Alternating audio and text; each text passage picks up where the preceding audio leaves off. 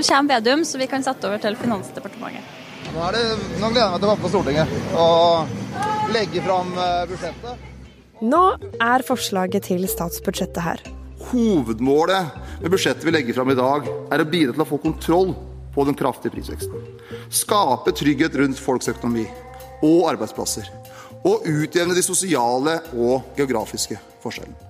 Finansminister Trygve Slagsvold Vedum fra Senterpartiet kaller det et stramt budsjettforslag for neste år, mens opposisjonen mener noe annet. Men president, det som er lagt frem i dag, det er ikke et stramt budsjett. De øker skattene med mer enn dobbelt så mange milliarder som de reduserer oljepengebruken med. Vi ser en regjering som forsøker å skattlegge Norge ut av krisen. Så hvor stramt er det? Og ikke minst, hva har det å si for deg og meg? Du hører på Kort forklart. Det er torsdag 6. oktober. Kom inn, kom inn. Hei, hei. Herregud, hvor Takk, takk. du. Ja, det er gøy, da. Det er jo Fy søren.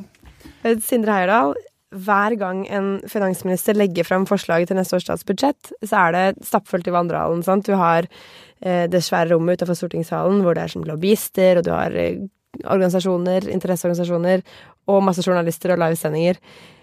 Åssen var stemninga der i dag, da statsbudsjettet hadde kommet?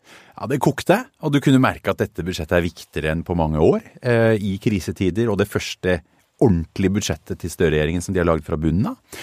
Og det kom altså masse mennesker, og lobbyistene også sånn rundt ti når hovedtallene kom. Eh, de myldret rundt omkring. Og i Forklart-episoden som kom ut i dag, så var du også gjest, og du snakka om åssen Vedum i året fram mot i dag Jeg har gått fra å være sånn blid og glad og alle skal få, til å bli stillere og stillere og surrere og surrere og love et stramt budsjett.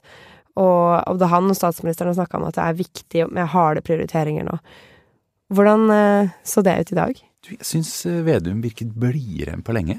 Eh, og jeg tror han har vokst litt inn i Finansdepartementet nå. Han har omfavnet budskapet, og han trives i å stå i det. Han, han, eh, han forstår jo også at eh, i bunnen så ligger det at eh, øser han ut for mye penger, så må Norges Bank øke renten eh, mer. Så det ser ut som han eh, nå har litt sånn grodd inn i rollen. Lagt fra seg opposisjonshatten for eh, godt, i denne omgang i hvert fall. Og, og mer står i det. Men hvor stramt ble budsjettet, da? Og derom strides de lærde, det er jo mange måter å måle det på.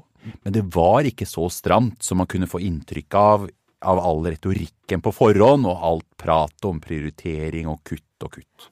Men uh, har, har Vedum lurt oss litt, kanskje? Har han uh, bygd ned forventningene såpass at vi alle skulle bli egentlig litt fornøyd i dag? Det er jo ikke dumt, det. Det å bygge ned forventninger sånn at man da blir lykkeligere etterpå, er jo en ganske smart strategi. Eh, også for en fotballtrener før en fotballkamp, for å si det sånn. Men eh, jeg tror Vi ser jo faktisk også reelt sett at det er flyttet på mye penger. Det er kraftig økte utgifter til at vi blir eldre, til Ukraina-flyktninger, til forsvarsbudsjett og til strømkompensasjon, og da måtte han hente penger andre steder, annet gjennom denne grunnrenteskatten på, på næringer som går veldig godt. Så han har også funnet en del penger, og, og reelt sett flyttet på mye. Og alle de tingene han har flytta på, da, hvordan påvirker det deg og meg og våre penger? Det er jo, eh, hvis du er eh, småbarnsforeldre i Nord-Troms eller Finnmark, så har det kjempestor påvirkning, for da blir barnehagen gratis. For andre så er det et makstak på 3000 for barnehage. Det er noe av det som vil merkes. For mange folk flest så vil kanskje det som skjer på inntektsskatt være det man merker mest i hverdagen her og nå. Og der er den store hellige grensen fortsatt 750 000 kroner. De som får mindre, får skattelette. De som tjener over 750 må betale en god del mer i skatt. Ja, så hvis jeg tjener si 550 000, så sparer jeg en god del skatt i året. Da jeg slipper å betale like mye neste år som jeg gjorde i år. Ja, det gjør du jo, det blir jo noen kroner av det, faktisk. Ja, ok, så skatt og barnehage, er det noe mer som påvirker de fleste av oss? Ja, hvis man betaler til fagforeningen som varslet, så blir det mer fradrag der, så der kan det være noe å spare. Elbiler blir eh, litt dyrere, det går også på vekt blant annet. Og så er det jo Ikke minst strømstøtten, da, for vi går jo en ekstremt dyr strømvinter i møte. Uansett hva som skjer, så vil den bli dyr. Og der er det jo faktisk sånn at nå dekkes 90% av strømregningen over 70 øre per kilowattime. Så det blir mye, mye penger for mange. Og jo større og mer trekkfullt hus du har, og jo mer oppvarmet garasje du har, jo mer blir det jo gjerne.